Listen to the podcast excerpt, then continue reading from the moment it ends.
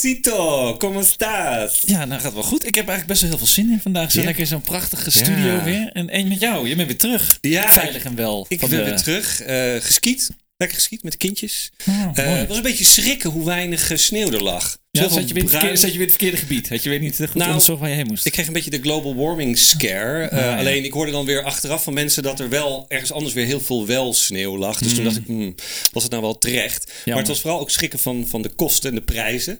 Want ook daar, is- ook ja. daar hebben ze de energieprijzen doorgevoerd aan de consument. Nou ja, het is echt Champs-Élysées niveau. Ook bijvoorbeeld, eh, nou ja, sowieso de huur van appartementen, maar ook de bakje koffie. Weet je, wel, is gewoon 5 euro. Dat is gewoon echt eh, eh, Parijs eh, level. Lekker man. Dus jij moest even al je geld, je opgespaarde geld moest je weer uitgeven. Met de kids weer. Van Ja. de skipassen. Maar het is een beetje een el- elite dingetje aan het worden. En dat was het altijd al misschien wel een beetje. Maar ik had nu eigenlijk voor het Niks eerst... voor mij. Heb ik niks mee. Nee, jij bent niet zo'n zo'n skier, toch? Nee, nee, ik, ik kan echt, weet je, is gewoon, ik hou van sporten, maar kijk, twee meter lang zie je mij op die latten staan. Ik hoorde alweer allemaal mensen die hun kniebanden hadden gescheurd. Klopt. Nicolette van Dam, die kwam weer terug, was helemaal uitgemeten in het nieuws. Veel helikopters Ja, inderdaad. allemaal met- mensen die dachten, je Ja. gaat knieën kapot. Ja, weet je, ik ga denk ik dood als ik ga skiën.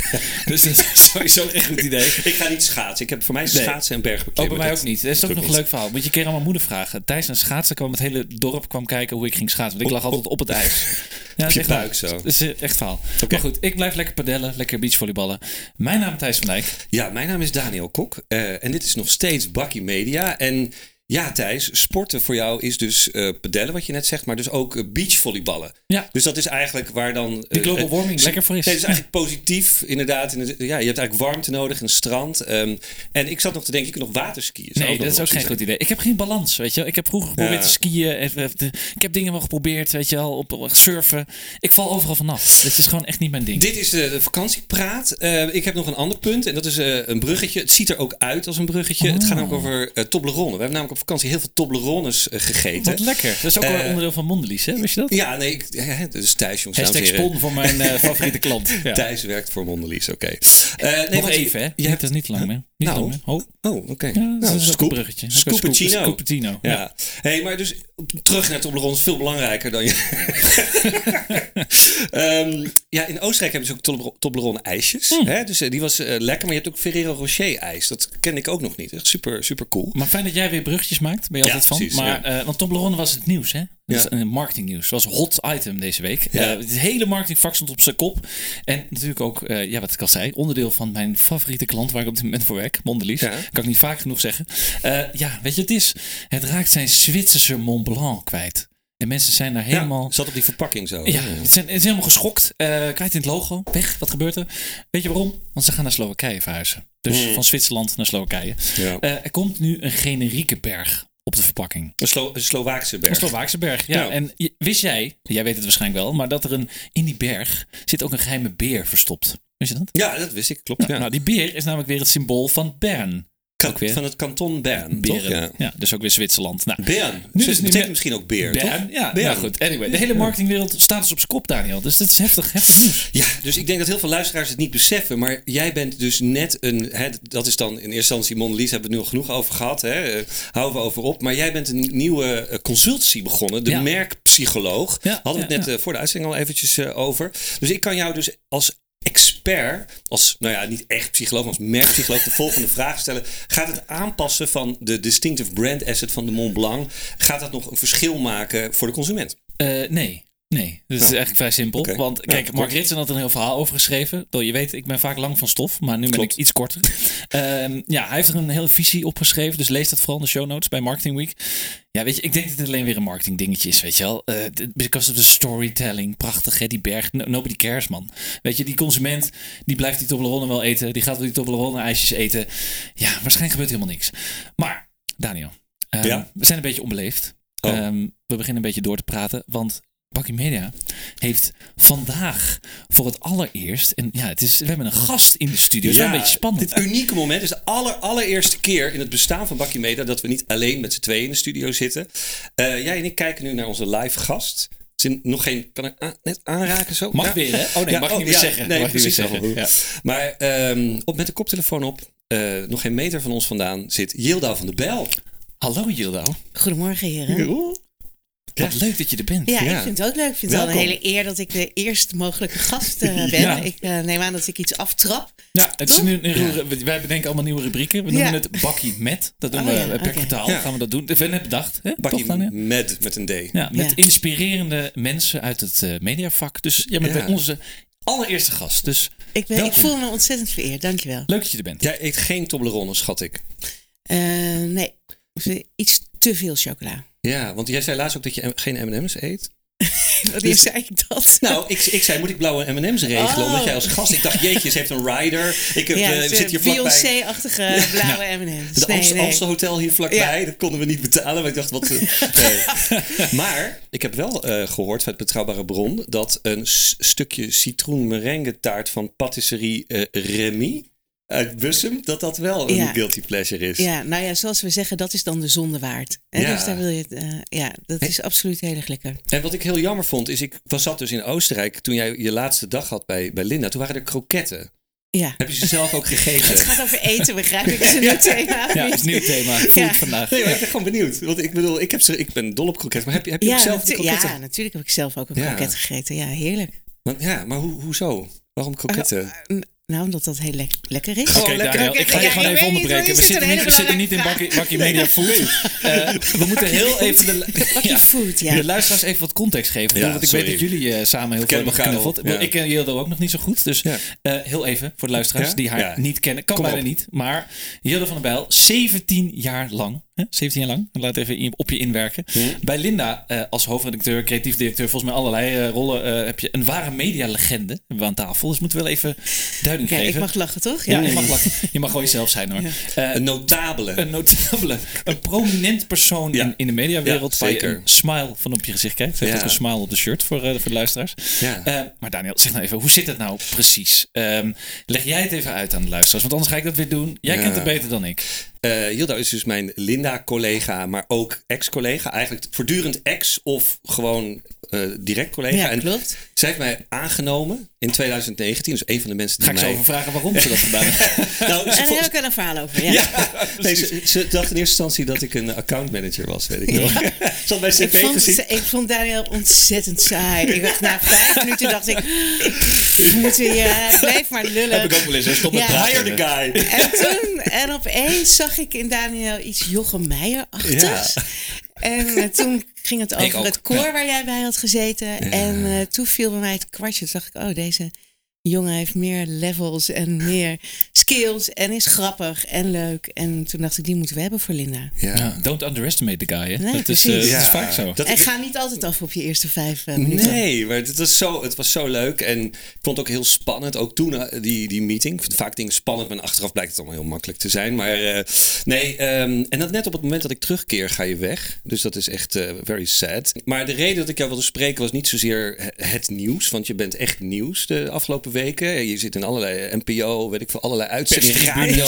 Thijs en ik hebben echt 40 uitzendingen moeten kijken. Dagen allemaal interviews moeten luisteren. Maar nu, ga ik, nu ga ik serieus iets zeggen. Yildau is, eh, denk ik, een van nou, top drie creatieve personen met wie ik ooit heb gewerkt. Het is echt... Mooi.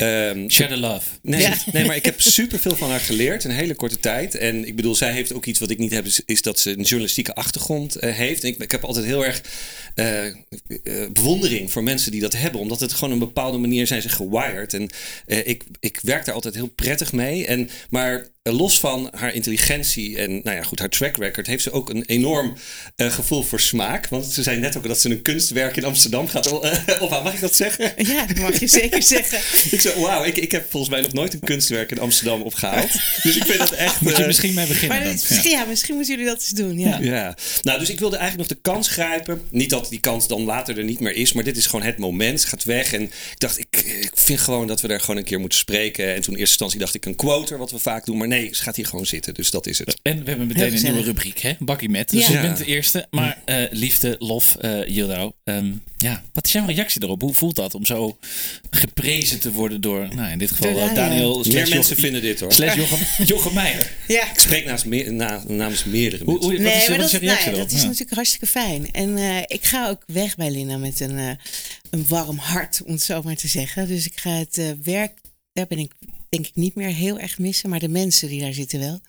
En eh, het is heel leuk als je merkt dat je iets hebt betekend voor andere mensen. En tegelijkertijd heb ik van al die andere mensen ook weer heel veel geleerd. Dus ja, dit wordt misschien een heel bloedsaai verhaal. Maar Nee, heb, hoor. heb jij Nee. door de impact die jij op veel mensen hebt?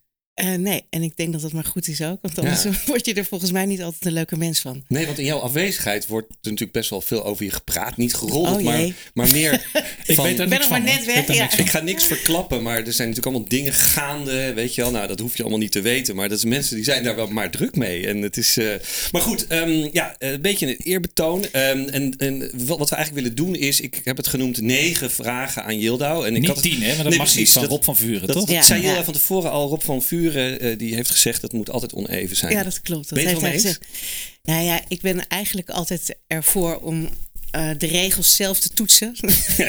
en niet klakkeloos aan te nemen van een ander. Maar eh, Rob van Vuren had hier wel een goed punt. Ja, als, ja, ja, ja, als je gewoon ergens op, al is het de cover van een blad of ergens anders, een oneven getal gebruikt in plaats van een rond getal, dan is het geloofwaardiger. En dan lijkt het alsof je die vragen echt werkelijk zelf hebt bedacht, Ja. die negen, in plaats van dat het er tien zijn van eh, ja, ja, precies. chat. eh, Ja, dan zou ik ChatGPT hebben gevraagd. Zal ik Precies. vragen aan Yilda? Welke vragen hebben jullie voor Yilda? Ja. Wat ook interessant is, wat hij dan uit zou eh, zijn gekomen natuurlijk. Dat is wel een mooi boek trouwens. Ik heb dat boek Lingerie Denken staat bij mij in de boekenkast. Ja. Toen dacht ik, jeetje, lang geleden dat ik dat gelezen Heel heb. Maar een interessant boek. is dat. Ja, het is denk ik 20 jaar oud of Ja. 30 jaar oud Maar, of zo. maar ja. Thijs, moeten we dan, eh, want ik weet volgens mij zijn het er misschien wel al 13 of zo. Ik- 9 klinkt gewoon leuk. Ehm, moeten we niet gewoon even gewoon die eerste er eh, gewoon ingooien? De eerste vraag. Ehm, we hadden net al even over Toblerone, over M&M's, over chocola.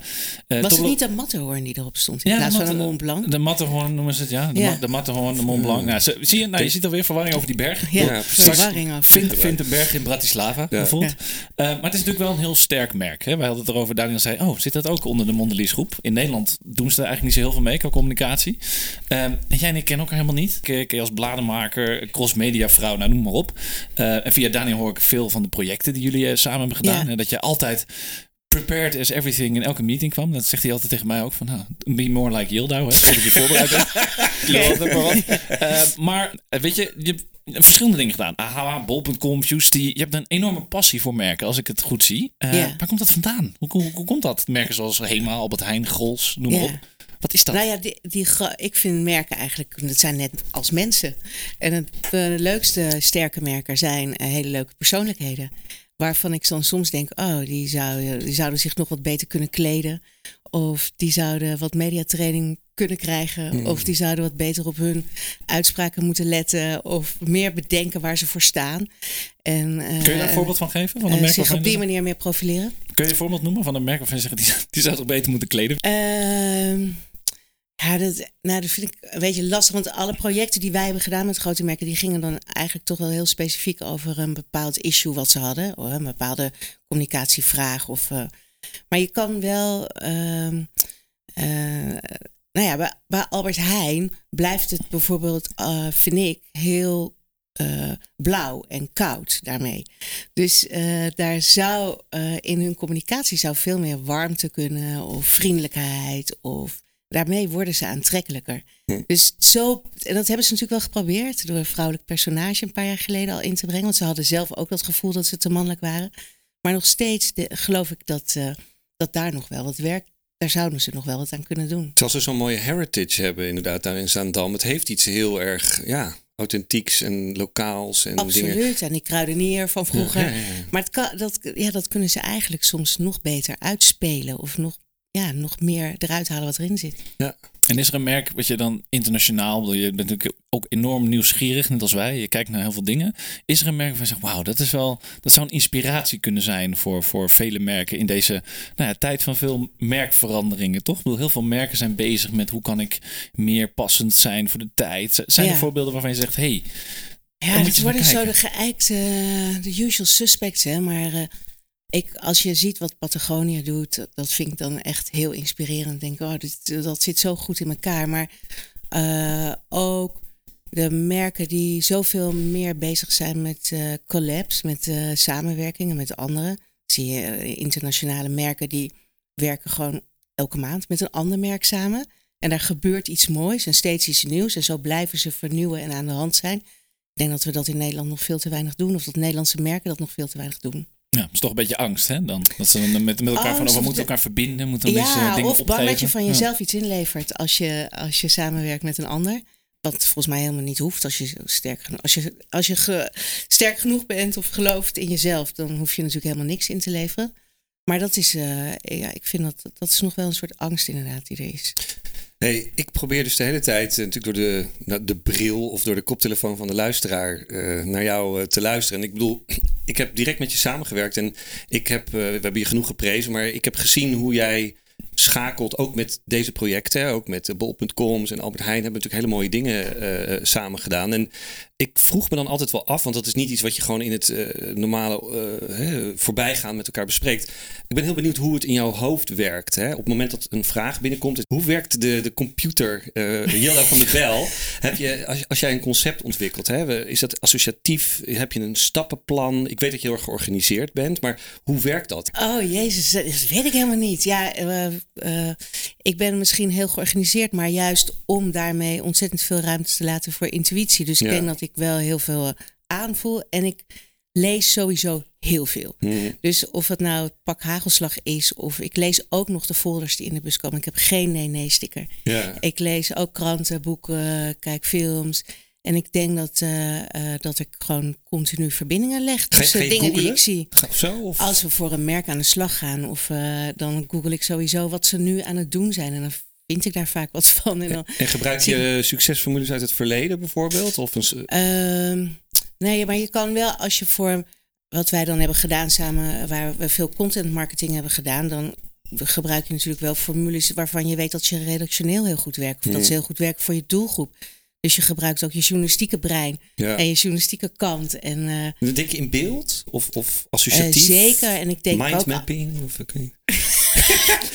Dat weet ik, nee. Nee. Ik denk heel associatief, ik denk heel eh, visueel, heel erg in beeld. En ik denk ook altijd aan waar moet het naartoe? Dus wat is het eindplaatje? Hoe te gek zou het zijn als we dit voor elkaar krijgen? En ik probeer het ook wel altijd eh, al groot te maken. Ja, Dus ik ben- ambitieniveau is altijd bij jou, hè? ja, altijd. Dus, ik wil altijd, ja, dus groot Ja. beginnen en dan liever een beetje afpellen of een nieuw ander plan bedenken. Maar ik, ik geloof wel altijd van hoe kunnen we, als we deze krachten bundelen, iets betekenen voor de wereld. En wat is dat dan wat het beste bij dat merk past? Ik moet ook heel erg gek genoeg aan Steve Jobs denken. eh, hè, in samenwerking met jou. Want ik, wat ik over hem gelezen heb, dat zag ik ook bij jou. Je hebt een best wel grote algemene ontwikkeling over allerlei verschillende onderwerpen. En de onderwerpen die je niet zo goed kent, eh, dat, dat vind je niet eng. Maar je bent heel nieuwsgierig daarnaar. En dan ga je altijd vragen stellen over hey, hoe zit dat, hoe zit dat. Ja. Maar het valt me altijd op dat je altijd wel een naam kent. Of altijd wel een eh guru uit dat gebied kent. Of dat je dat op een of andere manier gevonden hebt of zo. Dat, Ja. Herken je dat ook? Of, eh, Ja, ja, ja, ik denk dat ik dat in. ja. Nou, luisteraars, heb horen dat Daniel is erg Steve Jobs fan. Hij is ook heel erg Hildo van de Bijl fan. Ja, Nee. Hij is ook ja, Star ben- Wars fan. hè? Ja, Ja. Ik, de- ik, ben, eh, ik denk dat ik bij Triviant of zo, dat ik daar. Ik heb eh, heel veel rare eh, feitjes eh, ergens. En eh, het kost me soms wel eens wat meer moeite dan vroeger om ze tevoorschijn te halen. Ja, maar, over ik heb over veel dingen wat eh, gelezen of daar weet ik wat van. Omdat ik een soort ongebreidelde nieuwsgierigheid heb naar eh, Ja.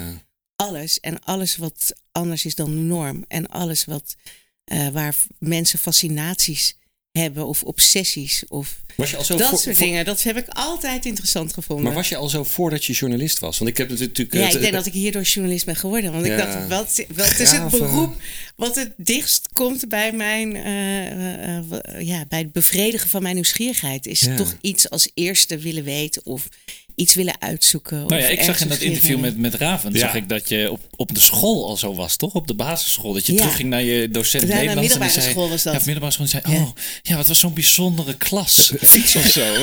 Het fietsen ging wat minder. Ja, Ja, fietsen was het al precies. minder spannend. Het was maar- heel lang geleden dat ik met iemand achterop had gezeten. En laat staan Raven die heel erg met, eh eh, met diens voeten aan het eh, schommelen was. Ja. Maar wat maakte jou dan op, die, op dat, dat middelbare schoolmeisje? Want iedereen, die, die- iedereen praat vol lof over je. Oh ja, we weten het nog allemaal. Wat maakte dat dan? Wat, wat deed je dan? nou, niet iedereen hoor. Er waren twee docenten die Ja. er nog waren. Nou ja, dus dat geval. viel echt reuze mee. Dat was mo- mooi geëdit. Maar, Ja. ja. Dus dat is heel erg reus mee. Maar ik denk dat ik gewoon altijd een heel nieuwsgierig kind ben geweest. Dus dat, dat is iets wat in je zit, toch? Ik neem dus- aan dat jullie dus dat ook luisteren. zijn. Ja. Eh, ja, luisteren, zien, horen, voelen. Ja, nieuwsgierig. En dan vallen op een gegeven moment, als je heel veel ziet en heel veel leest en heel veel hoort, dan gaan dingen opvallen die anders zijn of die, eh, eh, die bijzonder zijn. Of, en daar krijg je een soort eh, gevoel voor, Ja. dat je dat er snel uitpikt. En als we dat concreet maken, hè? Ik bedoel, eh, goeroes, inspiratoren, we hebben al wat namen voorbij horen komen. Ehm, wie of wat volg je dan voor, voor inspiratie? Is er iemand of mensen of een groep eh, waar jij je inspiratie echt vandaan? Die zegt van, behalve boeken, ik bedoel, dat, is natuurlijk, dat heb ik ook, dat ik heel veel Ja. lees, dat ik denk, oh, en dan kom ik weer bij een nieuw boek. Kom ik in een soort van de rabbit hole van het volgende boek. Ehm, maar wat zijn dan dingen die jou dan fascineren, waarvan je denkt van, hé, hey, daar haal ik een soort van continu stroom vandaan? Of type mensen of zo? Heb je die? Nou ja, het is zo breed dat ik het eigenlijk niet kan eh, klassificeren, geloof ik. Maar eh, ehm, ik heb, ja, mijn zoon werd helemaal gek van. Ik ben dus net terug uit New York. Dan kijk ik op de heenvlucht vier films en op de terugvlucht vier films. Gewoon als een soort honger Ja. naar informatie of naar. eh, en dan probeer ik wel dat eruit te pikken wat nieuw is of nog niet ge, wat er nog niet is. Of oh ja, dus jullie moeten allemaal naar. eh, hoe heet die film die ik nou net heb gezien? Oh, wat het nog op? Everything, everything, everywhere, all at once. Ja, heb ik gezien. Totaal crazy is dat, hè? Het is toch bizar? Ja. Zoiets heb je toch nooit gezien? Nou, nee, dat, bizar. Ja. Dus ik wil gewoon steeds dingen zien of horen of lezen die ik echt nog nooit heb gezien. En die sla ik op en weet ik veel, vermeng ik weer en pas ik weer toe en eh, gebruik ik weer. Is het dan alleen maar dingen die je leuk vindt? Ik maak nu twee van die konijnenoortjes. Of- dat kan je niet zien. Oh ja. Maar of zijn het ook dingen... Ja, zeker. Ja, precies. Zijn het ook dingen die je onge- ongemakkelijk vindt, bijvoorbeeld? Absoluut, ik ben dol op ongemak. Dus ik zoek ook dingen op die ik ongemakkelijk vind. En dat is zo leuk. Je begon net over, eh, over kunst. En dat je, daar moest je erg om lachen. Je kende helemaal niemand die ooit... Of, of jij had nog nooit een kunstwerk eh, gekocht en opgehaald in ik heb wel op de kunstacademie gezeten, jongens. ja, dus precies. ik, ik maak dus dat kunst. vind ik, ja, Hij maakt de vlaakkunst. slaapkunst Ja. bijvoorbeeld. Maar eh, ik vind dat heel interessant eh, van eh, eh, beeldende kunst. Dat je daar ook dingen ziet die je nog niet kent, maar soms ook helemaal niet begrijpt. En dat dat niet erg is. Ja, Dus ik denk dat we eh, op dit moment in deze wereld ontzettend cognitief zijn. Alles proberen we te begrijpen, te verklaren. En als we het niet kunnen verklaren, dan vinden we het vaak eng. Of doen we het af. Of gaan we het proberen te framen. Of...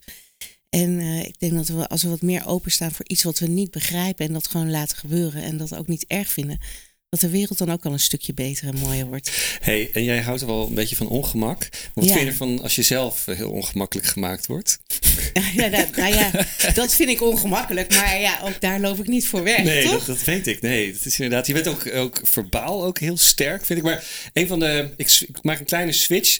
Ehm, jij noemde jezelf. Eigenlijk heel erg in het begin van het gesprek met Raven noemde je jezelf onzeker. En ik heb je ook dat wel eens ook wel horen zeggen van nou, we zijn allemaal onzeker, dit en dat. Maar als ik aan jou denk, denk ik vooral dus, eh, komt weer een beetje compliment, maar aan, echt aan kracht. Dus mentale kracht, verbale kracht, organisatorische kracht, creatieve power. En tegelijkertijd hè, zeg je toch dat onzeker, hoe, er is een spanningsveld. Hoe, hoe duid je dat?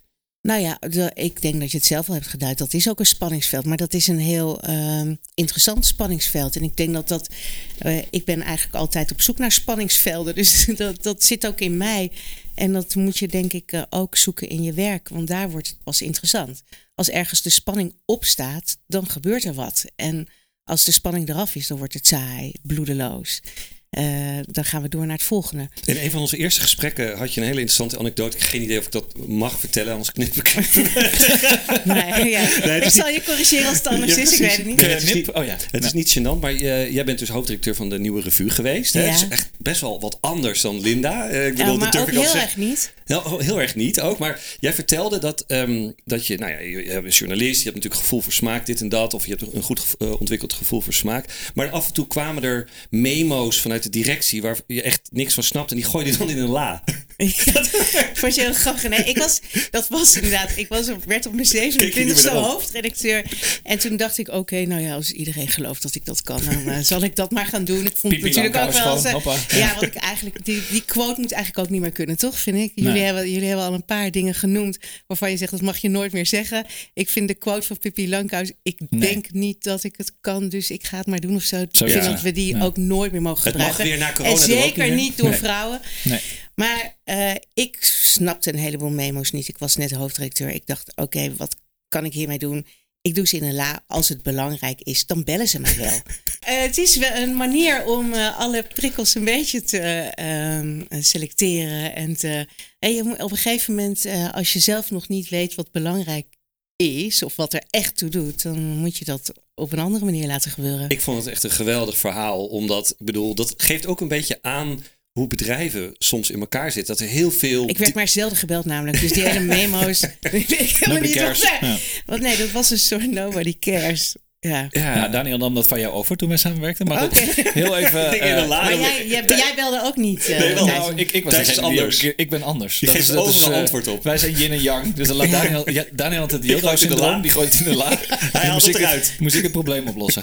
Eh, goed, heel even terug naar... Ik, ik was even benieuwd. Want dat, Nou, dat, dat is wel, sorry, nog één Nee, ding. Van wat ik ook in Nieuwe Revue Tijd heb geleerd van Hans Verstraeten. Hij is inmiddels overleden.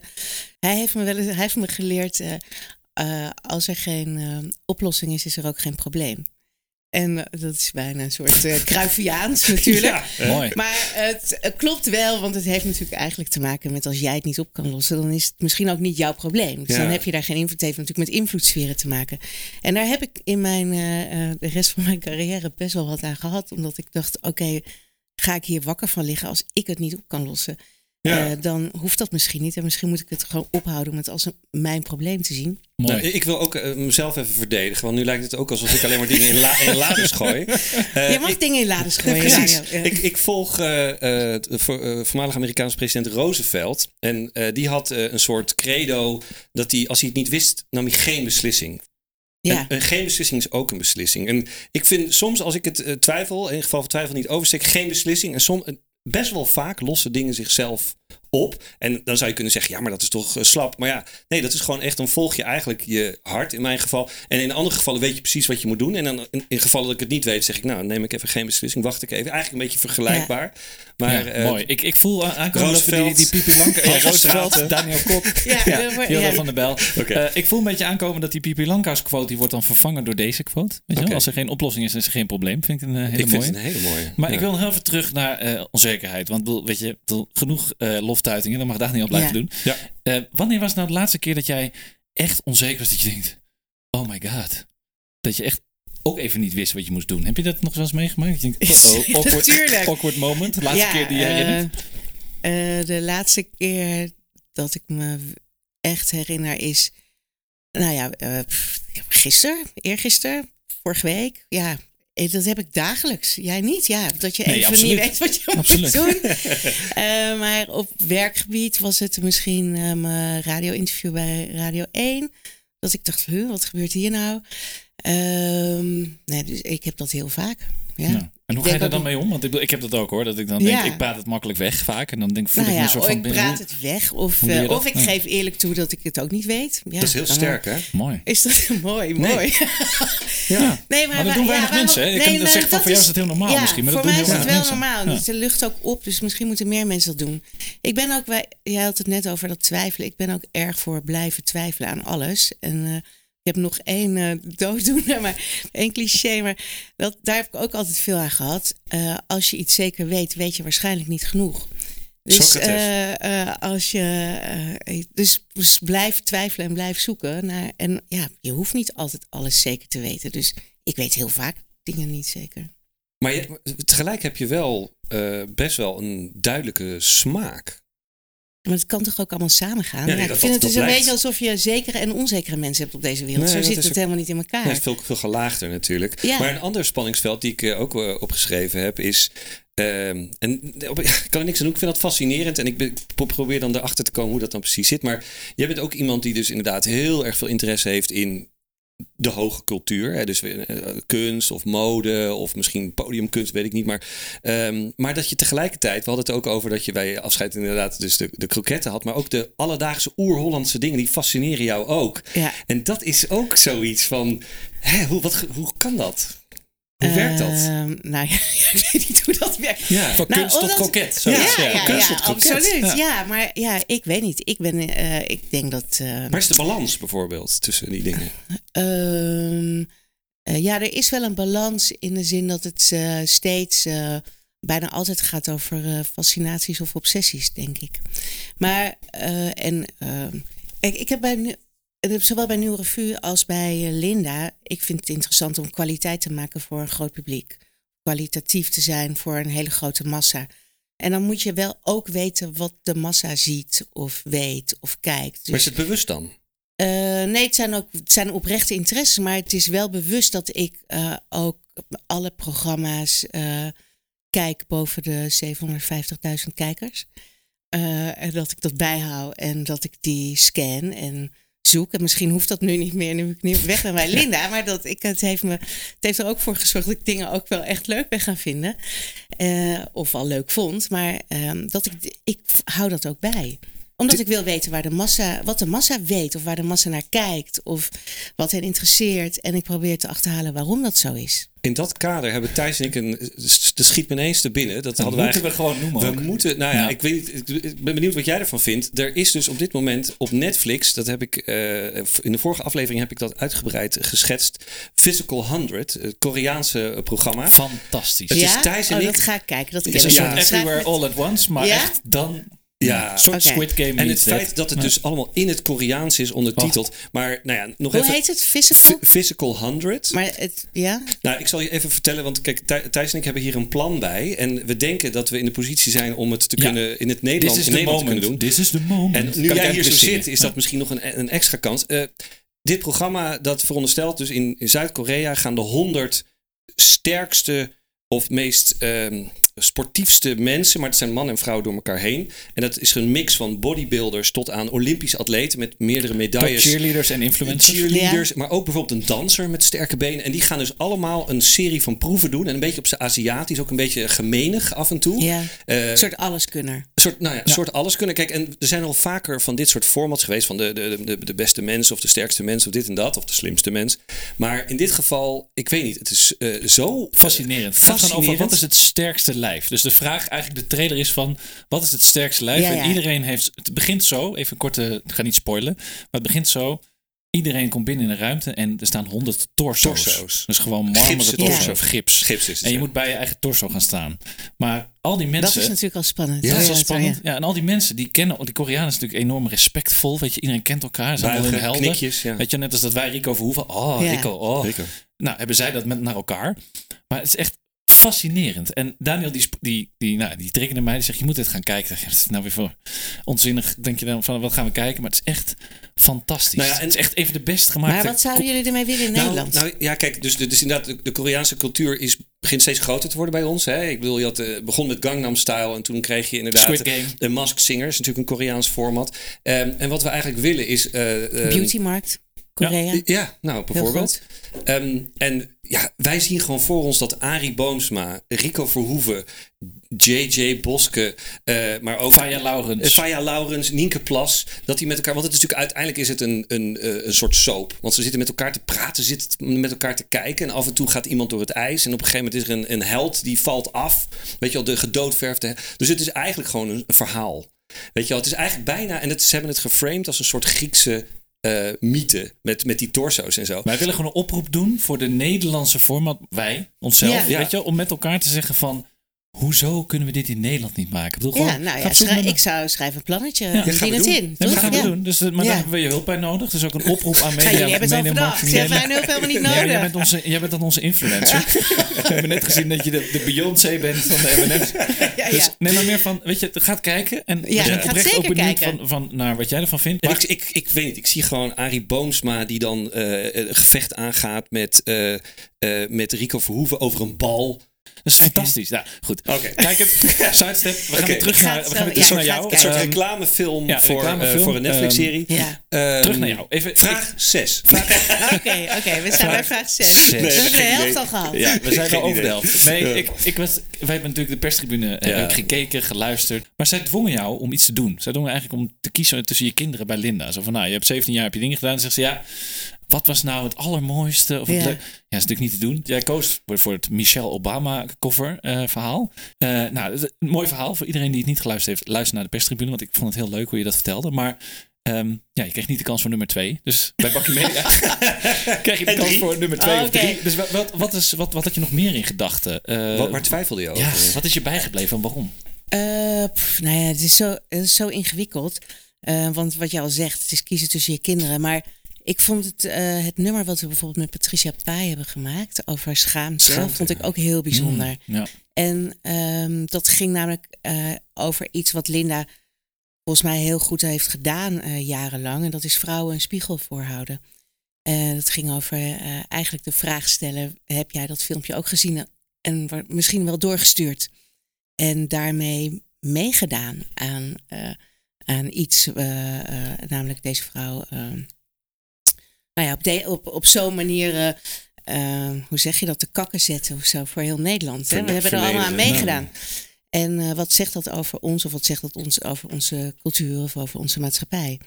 Dus dat vond ik ook een heel bijzonder. Dat is ook een van mijn lievelingsnummers, eigenlijk daarom. Dus ik denk dat de nummers waarmee, waarmee we iets hebben kunnen betekenen voor veel vrouwen, dat dat de belangrijkste nummers waren die we bij Lina hebben gemaakt. Ja, interessant. Ja, ik, ik zit ook heel erg te denken, het merk Linda. Het is net alsof mijn opvoeding in de media daarmee gestart is. Ik zit ongeveer Ja? 19 jaar in de media. Nou, volgens mij is het, jij zit 17 jaar bij Linda. Ja. En ik ben meegegroeid met het mediamerk. Ik weet nog de introductie. En het merk is natuurlijk uitgegroeid tot een van de grootste mediamerk. Al, hè, is het niet het grootste magazinemerk van Nederland. Ehm, mede door jou en het hele mooie team. Jaloersmakend voor velen. En dit is natuurlijk... ehm, ja, iedereen vraagt dit aan je natuurlijk. Maar ik ben toch ook benieuwd. Hè? Nu je een beetje afstand hebt of afstand gaat nemen. Wat is een geheime recept eigenlijk geweest? Buiten dat, hè, wat je zegt, de spiegel voorhouden. Hoe, hoe Ja. werkt dat? Ik heb het allemaal gevolgd 17 jaar lang. En ik denk, wauw, ik Wat, vind, wa- wat vind jij, wat haal jij er dan uit? nou, ik, wat ik het fascinerend vind, ik, het, denk ik, hè, maar dat is gewoon van buitenaf. Ik denk Ja. dat het merk heel dicht bij zichzelf blijft. Zo van de, waar het mee begonnen is. Dus ja, ik, we hebben net gezegd, de, de merkpsycholoog. Jullie zijn begonnen als zijn, wij zijn dit als mens. En dan ben je altijd blijven doen. Ja. Het is denk ik een hele menselijke kant. Eh, heel eerlijk, heel authentiek. Heel erg van wat spe- heel, heel dicht op de tijdsgeest, denk ik. Vind ik heel knap altijd. Ik denk, jeetje mina, hoe krijg je het voor elkaar om elke keer weer exact op het juiste moment de, de juiste snaar te raken? Dat vind ik heel knap. Eh, want ja, daar slagen heel weinig merken in. Je vertelde wel dat je de inspiratie van New York Times Magazine ook haalt. Die Ja. doen dat natuurlijk ook. Maar is dat dan een soort van succesformule? Dat je zegt van oké, waar haal je het vandaan? Ja, het is een Hoe combinatie van een heleboel dingen. En die, dat is, het jammer is dat het niet gewoon een soort eh één succesrecept is. Dat, dat geloof ik niet, want het, moet, eh, het is de juiste club mensen die met elkaar een chemie hebben op het juiste moment, in de juiste tijd. Weet je, dus het is niet iets wat je, zeg maar, een, een soort truc die je ook weer kan herhalen. Je kan wel een aantal dingen, heb je invloed op. Je kan natuurlijk zorgen dat alle content die je maakt eh, van superhoge kwaliteit is. Dat je alleen maar met de beste mensen werkt. Beste fotografen, beste journalisten op dat moment. Dat je dus ook moet weten wie de beste op dat moment zijn. En daarvoor heb je kennis of scholing nodig. Daarvoor moet je jezelf onderwijzen. Dus ik zeg ook altijd, je kan pas goed zijn als je weet wat goed is. Dus ja, als jij niet weet wie de beste podcastmakers zijn eh Nee, als je eh, dat op de nu wereld. nog niet weet, dan is het toch wel mis, dat- Welkom Gladwell. Ja. Nou en ja, als Daniel. je, ja. Nee, maar het- snap je, je, kan, je, je moet weten, vind Ja. ik altijd, wie er op jouw vakgebied, of dat, dat nou podcast maken zijn, of fotografie, of eh, een artikel schrijven, of eh, TikTok-redacteur, of eh, eh, wie, daar, wie zijn daar heel erg goed in en waarom? Ja. En eh, we onderzoek dat. En wat doen zij? Dat, dat, wat, wa- dus hoe kun je zelf ook heel erg goed worden? Dan moet je weten wat goed is. Maar dat klinkt wel heel makkelijk natuurlijk. Dat wil iedereen, toch? Dus ja, maar er zijn maar heel weinig mensen die daar moeite voor doen. Exact, maar dat is, En dus, dat de- is dat misschien wel- een succesformule, toch? Nou ja, de- ik denk dus dat het, het is niet alleen maar een eh, soort eh, toevalligheid. Je kan sommige dingen kun je opzoeken, kun je sturen, kun je eh, doen. En dan is het de combinatie met. Eh, het, wa- het was. Roosmarijn de Witte heeft het blad bedacht. Het was een heel goed, slim format.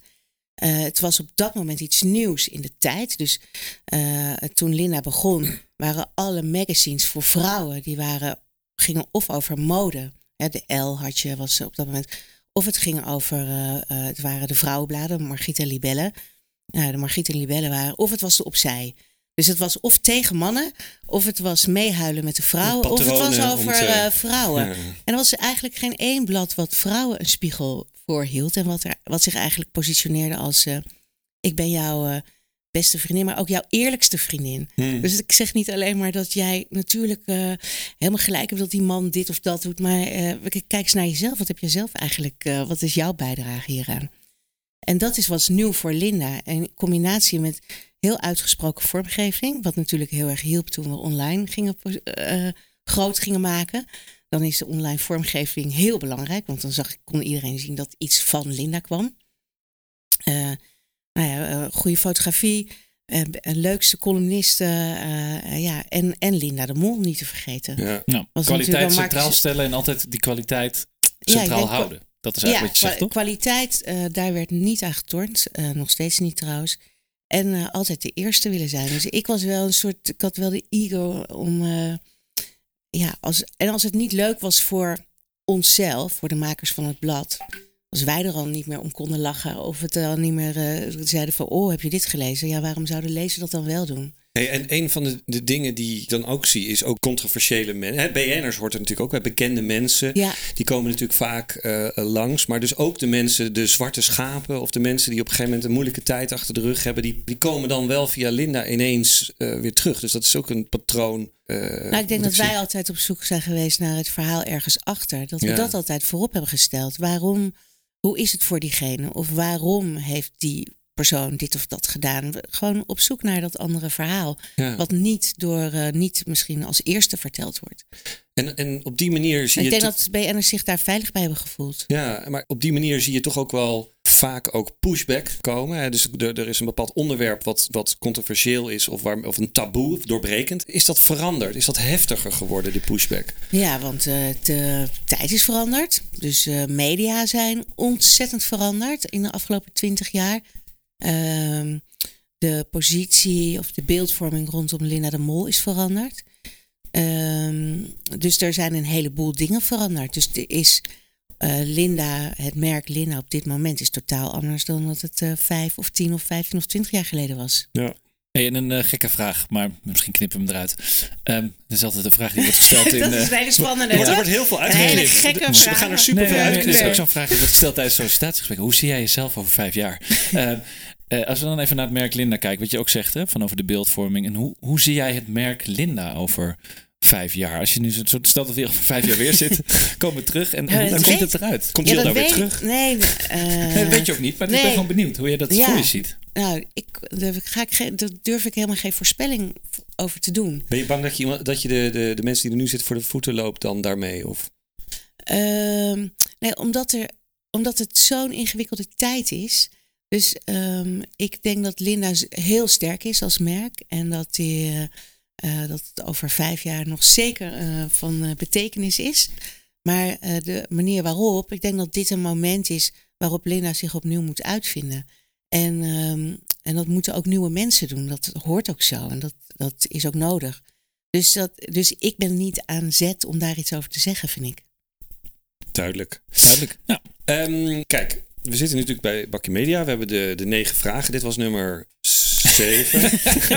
maar op, dit idee wordt ingewikkeld met knippen, hè? Als Nee. jullie nou steeds. Tellen Ja. die weer. Ja. Nee, luister, kijk, we hebben natuurlijk onze Gouden Barista. Dat is een vast item, die heb je misschien wel eh, langs horen komen. Ehm, en eigenlijk, wat is de Gouden Barista? Er is, eh, eh, de jury is Thijs en Daniel. Ja, Eh, dus dit is ook een uniek moment. Wij bepalen altijd met elkaar. Hey, heb je dit gezien? Is dat een gouden barista? Nee, dat hebben andere mensen het ook over gehad. En dan proberen we altijd of het een snackbar in Zeeland is... of het is, weet ik het wat, een Tosti Creative. Dat is ook zo'n bureau hier.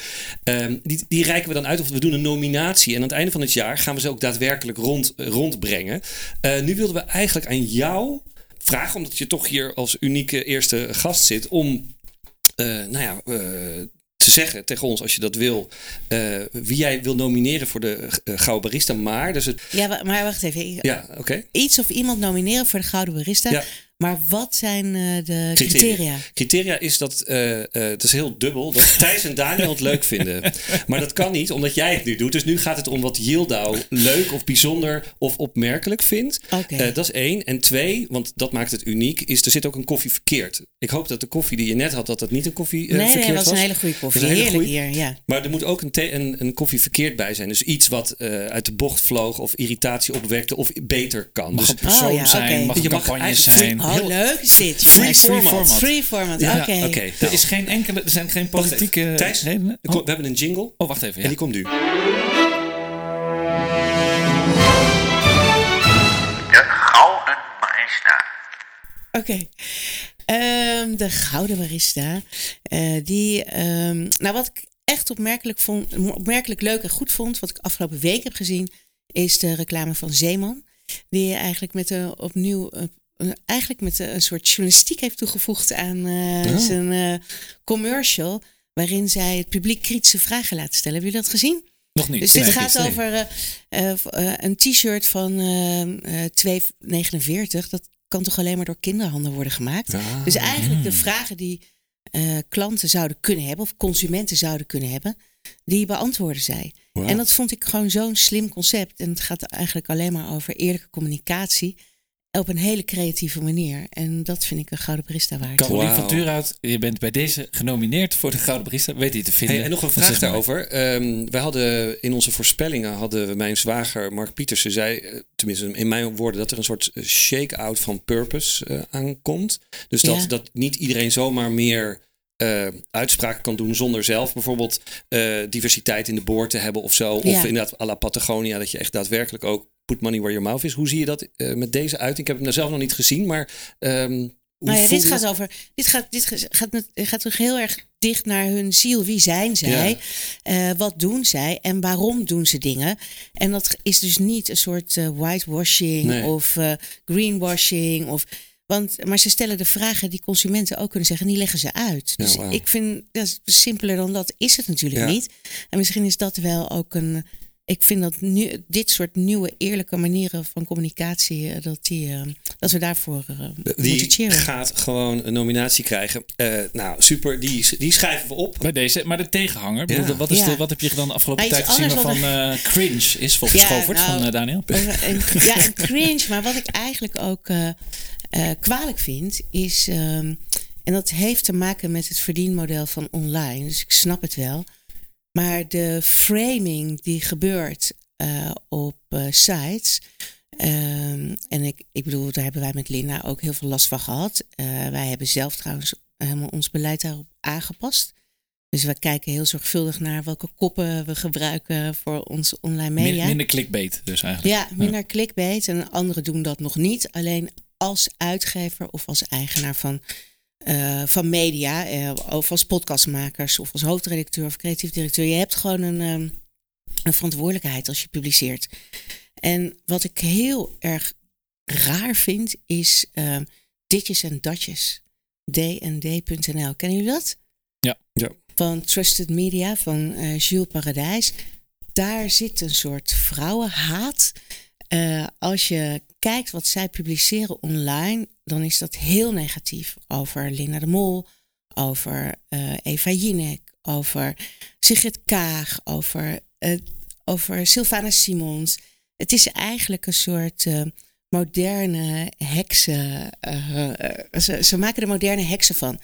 En dat valt me op en ik vind het eigenlijk zo kwalijk en schadelijk dat ik denk, ehm, dat hoeft helemaal niet. Als dat je, weet je, je kan ook je verantwoordelijkheid nemen als ehm, mediamaker. Dus bij deze wil ik eigenlijk een koffie verkeerd Ja. uitreiken aan de verantwoordelijke persoon hiervoor. En dat is, lijkt mij dan Jules Paradijs, die eigenaar is van Trusted Media, eh, oud hoofdredacteur van de Telegraaf. Ik wil tegen aan hem vragen of hij nog een keer naar zijn eigen media wil kijken, naar wat hij gepubliceerd onder zijn naam. Volgens mij is Ditjes en Datjes ook nog, wordt nog gesponsord door Dirk van den Broek, eh, de supermarkt. Dus ik snap eigenlijk niet dat je als supermarkt, die staat voor positiviteit, zulke schadelijke berichten op je online platform tolereert. Ehm, nou, ja. En daar nog geld aan besteed ook. En, Ja. daar, en daar, ja, daar, dat eigenlijk mede sponsort of sponsort en daardoor mede verantwoordelijk voor bent. Ik vind dat eigenlijk heel kwalijk. Mooie, serieuze noot. Uh, Jules Paradijs, bij deze eh, de koffie verkeerd komen we bij je brengen als je Ja. genomineerd wordt. Nou, de grap is, we hebben wel beeldjes voor de eh, Gouden Barista. We hebben wel echt een award. Maar we hebben nog geen koffie verkeerd. Dat is meer een soort impliciet iets, want die is dan ook op of zo. Maar nou, Jules, mocht je dit horen en mocht je nog reactie willen geven, dan ben je natuurlijk ook welkom om Zeker. hier een repliek eh, te kijken eh, wat voor ehm, ja, eh, koekje bij de koffie verkeerd. Ja, misschien bij de koffie misschien verkeerd. belooft hij wel beterschap.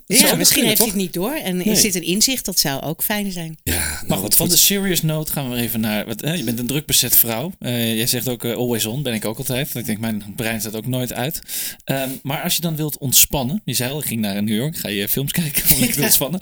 Maar heb je ook guilty pleasures? Ik bedoel, ik heb bijvoorbeeld nu... eh, ik zei net tegen Daniel toen ik hier naartoe reed... Perfect Match. Dat is een soort samenraapsel van alle datingshows op Netflix. Van Oh The ja, ik ben Circle. ook dol op dating. Nou, dat, Dol op nou, dating. Wat, wat zijn jouw guilty pleasures? en lang Muziek, leven de liefde is wel echt een, Eh, leven ja, de liefde. vind ik wel echt heel fijn. Briljant, ja, dat, ja, ik snap dat liedje. Dat denk ik echt, hè, wie heeft dit liedje door laten gaan? Het is een heel slecht liedje. Maar eh, het programma is briljant. En Ja. het is ook altijd dat je denkt, ik begrijp het niet, ik begrijp het niet, ik begrijp het ook wel, weer wel. Ja, dat vind ik wel... eh, Mooi, hè? ja, het is ook het is gewoon mijn perso- ook een soort persoonlijk ongemak, eh, wat je natuurlijk continu ziet. En eh, eh, wat eh, heel fijn is, omdat het je herinnert aan je eigen ongemak. Of omdat het fijn is om te weten dat iedereen dat heeft. Mooi. Dus datingshows, maar heb je nog andere voorbeelden of dingen die, ehm, Nou, als het die eigenlijk niet ons- mogen? Nou, ja, daar ben ik niet zo van. Wat Nee. mag dan eigenlijk Nee, niet? maar Van mij mag je ook een kroket, of- eten. Ja. Of gekke liedjes, Febo, ja. nog even een merk noemen. Ehm, eh, eh, nee, dat weet ik niet. Als ik echt wil ontspannen, dus uit mijn hoofd wil gaan, dan eh, moet ik gaan sporten. Ja, ja. Dat, is de, dat helpt het beste. het is niet echt, is niet echt dus het is ook niet een guilty pleasure. En, eh, nee. Maar zelfs van lang leven liefde kan ik nog wel inspiratie krijgen. Nou ja, Het ik gaat ook. niet Absoluut, Helemaal, gaat niet helemaal uit mijn hoofd. Bedoel, we gaan het zelfs sponsoren met een van de merken van Mondelez. Oh Ja. shit, de Scooppuccino. Eh, nee, maar het is, het is heel interessant. Ik, bedoel, ik vind ook die dynamiek van dat soort programma's. Ik bedoel, net wat ik zeg, hè, de perfect match nu. Weet je wat ik interessant vind? Is de, bij Netflix heb je natuurlijk al die series. Hè? The Circle, Love is Blind, Too Hot to Handle, Dated Unrelated. Allemaal geïnspireerd ooit door Love Island. Ik kijk Ja. naar Below Deck. En, ja, en dat flikkeren ze dan allemaal bij elkaar. En wat er dus nu gebeurt, dat is ook, een, is ook een leuke aanrader. The Perfect Match. Ik ken ik ook nog niet. Komen al die mensen ook die dus, die, dus veel, die dus niet hebben gewonnen of niet de liefde Maar die je hebben nog gevonden. kent uit al die andere Ja, programma's. en die, en die Oh ja, kennen is- elkaar dan ja. ook. Dus die gaan dan elkaar in elkaars DM's sliden. Dus zo gaat het. Oh, I slide in Ja. your DM's. Oh, I slide in your DM's as well. Oh, you're so hot. Oh, you're also so hot. Nou, dat. En die, die gaan dan op zoek naar de perfect match van, van de Misfits. Ik vind het echt een briljant, Ja. briljant concept. Ehm, maar goed, je moet eerst even al die andere dingen kijken. Ja. Dat snappen ze niet. Dus de Circle, Love is Blind, Too Hot to Handle. Maar de- dat soort ehm, guilty pleasures. Dat is Oké, eh, leuk om even te delen met de luisteraars. Hey, en ehm, guilty pleasures. ehm, dan kom je eigenlijk tot een, ook een ander eh, punt. Je hebt straks de tijd en je, je kunt koffie drinken, je kunt bakjes doen, net als bij ons, of met andere mensen bakjes doen. Eh, zij, je bent van natu- nature nieuwsgierig. Je hebt niet een voordeel over dingen. Ehm, zijn er bepaalde dingen buiten je comfortzone waarvan je zegt, of bucketlist dingen waarvan je denkt van nou, dat heb ik nog nooit gedaan, of dat lijkt me heel erg interessant, of ik ga mezelf daartoe aanzetten? Ik zit te denken, waar ben je naar op zoek? Nee, maar ga je, een boek, ga je een boek schrijven of zo? En, en nee, ik ga niet een boek Je schrijven. hoeft het niet te doen, maar misschien dat je erover nadenkt. Parachute springen, ik weet het niet. Oh, Gewoon nou, gekkigheid. echt, ik heb Meedoen over... met Physical 100 binnenkort. Ja, ja, dat zou leuk zijn. Dat zou heel erg leuk zijn. Crossfit. Nou ja, ja. Nee, ik, eh, eh, ik ben wel al begonnen aan een cursus kunstgeschiedenis. Nou, Oké. noem zij maar misschien. Maar eh, eh, ik ga over twee weken heb ik een ballonvaart. Ik ga vanavond eh, naar Cinema Culinair. Ken je dat? Ja, dat vertelde je laatst. ja, Ja, dat is eh, heel erg leuk. Draai een film en je krijgt tegelijkertijd met dat het eten in de film verschijnt, krijg jij het geserveerd. En dan, Oh, wat cool. en een heel aftelklok. En dan proef je dus op hetzelfde moment dat de acteur eet. Eet jij hetzelfde Ah, als de acteur. En dan film? met 100, eh, ja, chef. Ja, ja. ja. En dan met, te met eten. 100 Dus dat- eh, mensen. Ja, krijg volgens mij niet alle gerechten. Dat zijn ook Hunger, bij. Ja, dat zijn bij. ja. leuk zijn. Dat Dat zijn Ja, ja, ja. Dus ik doe een heleboel dingen die ik of Leuk. nooit heb gedaan of heel erg leuk vind. En, eh, en ik ga zeker heel veel koffie drinken. En verder weet ik nog niet. Dat doe je, je doet Uitslagen. sowieso dingen buiten de comfortzone. Dat is Ja, eigenlijk- is niet, niet dat ik die nu pas ga doen. Nee, precies. Ja. Dus en Zo ik heb ook niet. Ik, ja, zo zit ik in elkaar. En ik heb ook niet per se een bucketlist. Nee, heb ik ook niet eigenlijk. Nou ja. Nee. Heb jij een bucketlist, Thijs? Eh, nee, ja, ik heb ooit wel gedacht, moet ik gaan parachute springen? Maar ik durf Hmm. het niet, denk ik. Nee, ik heb niet zozeer een bucketlist. Ik wil nog wel op safari. Dus eh, met Oscar van Afrika Safari. Ja. Dat lijkt me heel vet. Gewoon echt zo'n echt een... Een van de klanten van de merkpsycholoog. Ja, een van de klanten van de merkpsycholoog. Ja, dat lijkt me heel vet. Safari. ja, Het is wel trouwens wel iemand die je zou kunnen Hebben Hebben jullie, hebben jullie we, we noemen echt zoveel merken. Heb je dan een lijstje? Hou je dat dan bij? En dan ga je die mensen allemaal Nee. DM'en? Nee, je hoor. zit in een show of zo, Nee. of niet? Nee, nee, absoluut. Nee, soms wel. Maar dit, eh, soms wel, soms niet. Ik bedoel, daar Maar je hebt niet van vaak- tevoren zo een lijstje. Dan even steeds kijken of Nee. je iemand ergens erbij kan halen. Of Nee. zo. Ja, en dan taggen. En dan taggen. En Dat dan- zou wel een slim format zijn ja, en dan trouwens. het algoritme Dus proberen te doorbreken. Ja, het algoritme doorbreken. En gewoon een lijst met en dan steeds kijken. Linda de Mol. Ik ben- Eh, ja. ja. Ja. Nou, weet je ik doe niet zoveel op social media. Weet je, wat dus, het wat probleem is met dat taggen? Het algoritme heeft, ons een beetje door. Dus we moeten denk ik naar een nieuw platform. Dus eh, dat is, we worden niet meer eh, heel erg goed op. Daarom nemen we het ook op op video deze ja, keer. Dus precies. Oh, we, gaan nu naar video, we gaan nu naar Videoland. Ja. Eh, goed, ehm, even eh, kort. Weet je, Daniel en ik praten heel veel over mannen dingen. Weet je wel? En pro- daarom proberen we ook vaak vrouwen te vragen over hun mening. Weet je, we praten over voetbal. We praten ook over Star Wars. Physical 100. Nou, allerlei andere dingen. Ehm, ja, soms vragen wij ons ook wel af. Zijn we daarom niet een beetje die ouderwetse oude witte oude- mannen? hij is al bijna 40. Ik ben al bijna, 40. 50. Eh, maar het is natuurlijk, we zitten natuurlijk in een tijd, weet je wel, die gendergrenzen vervagen heel erg. Eh, ik bedoel, ik had van de week ook weer iets dat ik iets zei van, hé, hey, dit needs a female Dat kan je niet meer zeggen thuis. Dan denk ik, oh, gek, want ik bedoel het goed. Dus dat is heel gek. Ehm, maar ouderwetse mannen dingen, ik bedoel, Nieuwe Revue was natuurlijk actueel, waar jij eh, door, eh, wat je ook vertelde in interviews, dat is, waar je enorm, Oh, heel wat je enorm spannend spannend, vond. ja. Mijn tijd was het ook spannend, net als de breakout en zo. Ja. Ik heb heel veel revue gelezen. Ja, nee, dus, maar Ja. Wat, wat, wat zijn nou leuke ouderwetse mannen dingen die nog wel kunnen en mogen? Daar we nog wel Ja, mag toch een heleboel. Ja, dat is ik denk zo. alleen dat. eh, eh, eh, en een- het is ook anders of je iets in een podcast zegt of in de kroeg tegen elkaar. Toch? Precies, ja. Ik denk dat als mensen dat verschil als eens zouden begrijpen, dat dat ook al wat waard is. Eh, maar ehm, er zit natuurlijk een heleboel ja, systematisch seksisme of systematisch racisme in ons. En ik denk Hm. dat ja, als je daarvan bewust bent, dat het alleen maar goed is. Dus dat En is al ook- goed. Dat is al goed dat je je bewust ervan bent. En ja, en dat je denkt, oh, oké, dit kan dus niet meer. Is dat erg? Nee, komen andere dingen voor in de plaats, Ja, toch? ja. Dat is niet zo mensen zijn zo bang dat, er, dat ze iets moeten inleveren. Macht of... eh, hoeft toch helemaal niet. Je hebt toch, er, is toch, er blijft nog genoeg over. Houd de dialoog, houd de dialoog open. Ja. Nee, ja. Hou Dus zijn jullie, zijn, jullie op, eh, zijn jullie bang om dingen verkeerd te zeggen of verkeerd Nou, te ik, heb, doen? ik, heb het wel. ik heb het wel meegemaakt. Hè. Ik heb letterlijk meegemaakt. Even, we zitten nu op de Hogeschool van Amsterdam. Kan ik best Ja. wel even mijn verhaal vertellen? Graag. Ehm, ik heb meegemaakt dat er eh, dingen uit context worden ge- gehaald. ehm, die dan tegen je worden gebruikt. Dus op een hogeschool hier, deze Hogeschool van Amsterdam, is heel erg bezig met diversiteit, inclusiviteit. Wat heel goed is. Maar het wordt soms ook wel eh tegengebruikt. Dan is er een student die heeft dan een uitspraak gehoord. Zonder de context. Dus ik ben met jou aan het praten. het is net de media En ik zeg, ik, ja, ik zeg kut. En dan, eh, oh, hij heeft kut gezegd. Boom. Nou, dan wordt dat eruit gehaald. Ehm, en wat er dan gebeurt, is dat wordt dan eh, zo geframed. En je zegt, ja, je bent dan gender labelen. Even een simpel voorbeeld waar ik op aangesproken ben vanuit mijn HVA-rol. Is dat een van mijn docenten, die werkt bij de KVB. En die kwam vertellen over voetbal. En die zei, sorry dames in deze klas dat ik het over voetbal ga hebben. Dat was de Ja. uitspraak. Dat was het. Nou, even uitgaande dat vrouwen niet van voetbal houden. Ja, dat En toen is was een een beetje student. stom natuurlijk. Ja, dat is een beetje stom. Maar ja, dat, kijk, aan de andere kant is het ook hoe je geconditioneerd bent. In principe is het zo dat er minder vrouwen van voetbal houden dan mannen in zo'n groep. En er zijn minder vrouwen. Dat was zijn conclusie. Nee, maar, de, maar de, nou, dat was eh, niet helemaal juist. Het uitgangspunt is natuurlijk een beetje gek. Inderdaad, Ja. dat zo'n man daarvan uitgaat. Ja, Dat, en dat, en daar, daar mag je toch een vraag bij stellen van... hé, hey, beste meneer, dit is eigenlijk niet zo slim dat je daarvan Tuurlijk. uitgaat. Dan kan hij zeggen, oh ja, inderdaad, eh, dat doe ik Op het eigenlijk. moment zelf wel. Op het moment zelf kun je dat doen. Alleen Ja. wat er gebeurt dus nu, is dat iemand die er niet bij was. Dus het ging niet over ons drieën. Wij zeggen nu iets. Wij zijn niet aanwezig geweest. Er komt iemand die heeft dat gehoord en die zegt, ja, nee, daar neem ik aanstoot aan. Ja. Dat vind ik gek. Dat Ja. vind ik lastig. En dat zijn wel dingen dat ik denk van, Ja, nou, ik Hmm. weet niet of dat gek of lastig is, want dat mag natuurlijk. Alleen eh, de, het, het ingewikkelde is dat het bijna altijd los van de context wordt gezien. En dat, eh, en dat er dan toch conclusies worden getrokken. En dat dingen geframed worden en veroordeeld. Ja. En eigenlijk zou die laatste drie dingen, daar gaat het mis. Ja. En, ehm, eh, want je mag daar best wat van vinden. Je mag dat ook zeggen. Je mag ook zeggen van nou, dat klopt niet wat je net eh, deed. Want je, ja. hè, je had een eh, vooronderstelling die eigenlijk heel seksistisch is. Moet je niet doen.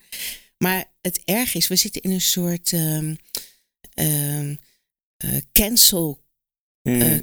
Ja, kramp eigenlijk. Dat we zo bang zijn dat je gecanceld wordt. Of je nou docent bent of mediamaker bent of eh, politicus of presentator of BN'er. Dat je, dat je daardoor eh, bijna niks meer durft te zeggen. Ja. Omdat, je, omdat er alles uit zijn verband gehaald kan worden of uit de context gehaald kan worden. En je dan helemaal... eh, ja, en dan gaat je kop er meteen af. Ja. Dus we moeten naar een cultuur waarin we dat wel kunnen zeggen, maar eh, waarin iemand ook wel zeggen: Oh ja, shit, had ik helemaal niet eh, door. Goed dat je me daarop aanspreekt. Ik zal dat niet meer doen. Ja. En dan is er niks aan de hand. Kan wat normaal, ook daarin wat ja, met laten we elkaar Ja. daarin ook eh, iets meer loosen up. Ja. Laten we daarin wat credits geven. Iedereen mag fouten maken, toch? Dat is het, Of denk ik, Iedereen ja. mag dingen verkeerd doen. En iedereen mag leren van zijn fouten. En, eh, Nou ja, Thijs en ik, die in- inderdaad, die ratelen soms lekker door. Maar we zijn wel zo dat we dan af en toe zeggen van, hè, mag dat? Nou, ja, ik weet niet, ik heb het al gezegd. Weet je al, dus dat je dan op Ja. die manier eh, een beetje jezelf al tijdens het uits- uitspreken ongeveer aan het eh, eh, corrigeren bent. Maar ik ben het wel met je eens dat er een verschil is tussen moedwillig systematisch racisme of systematisch Ja, maar seksisme. sys- dat is het ingewikkelde. Sy- systematisch racisme of seksisme is Ja. bijna nooit moedwillig. Nee, dat is hoe we nou geconditioneerd zijn. En ook daar moet je op gewezen kunnen worden. Dat weet je? En dan kun Ja. je zeggen van, oh, maar ja, zo ben ik niet opgevoed of dat heb ik niet meegekregen. Maar nu je dat zegt en me daarop wijst, snap ik het. Maar mij of helpt niet. het werken bij Linda in ieder geval sowieso. Omdat ik me heel erg bewust ben dat ik de, de Linda-man ben, zeg maar. Of een van de. Ja. En dat je dus eh, tegelijkertijd hoor je natuurlijk eh, alle, alle meiden en dames die natuurlijk met, met eh, op een bepaalde manier met elkaar praten. En dan ben je altijd op zoek inderdaad naar balans. Dus ik, voor mij helpt het in ieder geval om daar over dit soort dingen wel na te denken. Omdat ik bij Linda werk. En omdat Linda daar een, nou ja, een, een positie in inneemt. En zeker Linda Meijden, maar ook Linda Punt.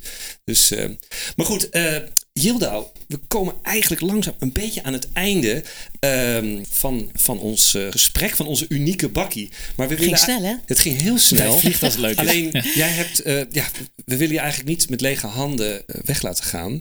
Ehm, Het is ook Krijg een ook kunstwerk. Je kijkt ook een kunstwerk. nou, jij, jij gaat straks Kunstwerk. een kunstwerk op, op halen, maar ik, ik weet hoe ik het nog zeg maar, gewichtiger en nog dramatischer kan brengen. Je hebt zojuist een nominatie gedaan voor de Gouden Barista. Dus een heel mooie prijs is dat. En je hebt ook een hele goede koffie verkeerd pleidooi gehouden. Wij willen jou niet een nominatie geven voor de Gouden Barista. Meteen een award. Maar wij willen jou op de gouden knop. Ik druk op de gouden knop. Wij willen jou bij, bij deze Ah, wat, wat ontzettend gouden- leuk. Barista cadeau. Nou. Ik geef haar nu. Het zit nog in de kartonnen kunt er doosje. alles in drinken. Warm water, citroenthee, koffie. Alles is het mogelijk. Ik ben hier heel erg gelukkig mee. Kijk, Dank je wel. Het is, er zijn denk ik Kijk, maar... het is een houten gouden barista. Limited edition. Er zijn maar 500. Oh nee.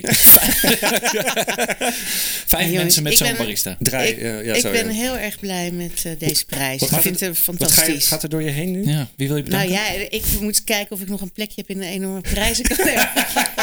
Ik denk dat dit wel, Ik- dit wel heel ik ga bijzonder jullie- is. Ja, nee. Ik wil jullie bedanken, mijn ouders, eh, mijn, Gouden mijn barista kinderen, speech. mijn man. eh, ja, alle mensen bij Linda met wie ik ooit heb gewerkt. nee, ik ben eh, super, super lief. Nou, ik ben ook al eh, eh, helemaal ehm, verlegen geworden van alle complimenten uit deze uitzending. Dus eh, ik Mooi, ga eens, er wat, eh, er wat complimenten uit. ja, dat zou ik nog wat uitknippen, want het wordt heel ongeloofwaardig. Goed, Daniel, Hildo, ik zie daar dat de studenten ons bijna uit de studio gaan Die trappen. vegen ons Dus, uit. Die zijn- eh, die ja, zijn nu aan de die beurt, moeten nu ja. aan de beurt. Helaas moeten we dit prachtige gesprek gaan beëindigen. We kunnen nog drie dagen doorgaan, maar dat, ja, dat doen we niet. Eh Hilda, heel erg bedankt voor je komst. Graag gedaan. Heel Enorm veel plezier met je nieuwe uitdagingen. Ja, Help dankjewel. ons met Physical 100. We need you. Eh, binnenkort zullen we een borrel nog gaan drinken op je afscheidsfeest. Ja, Eh, Oh, eind, eh, eind maart. Ik ben Ja, er ook bij. Even samen. Kroketje, zoiets. Ja, doen we. Ehm, aan de Bitterbal. luisteraar, mocht je, deze luister, mocht je deze aflevering nou echt leuk vinden, geef ons dan vooral 5 sterren op Spotify, want ook wij hebben reviews nodig. Alvast dank daarvoor. Ehm, maar deze aflevering is terug te luisteren op alle bekende podcastplatformen. Natuurlijk ook bij ons mediapartner, de Adformatie en Linda, een mondeles en de merkpsycholoog. Eh volg ons ook op social media. Op Twitter via @bakkenmedia, op Instagram via @bakkenmediapodcast en ook op Facebook zijn we natuurlijk voor onze vrienden en familie te vinden. Mijn naam is Thijs van Dijk Mijn naam is Daniel Kok. en dit was Bakkie Media. En tot volgende Ja, keer. tot ziens. Bye. Hoi. Doei.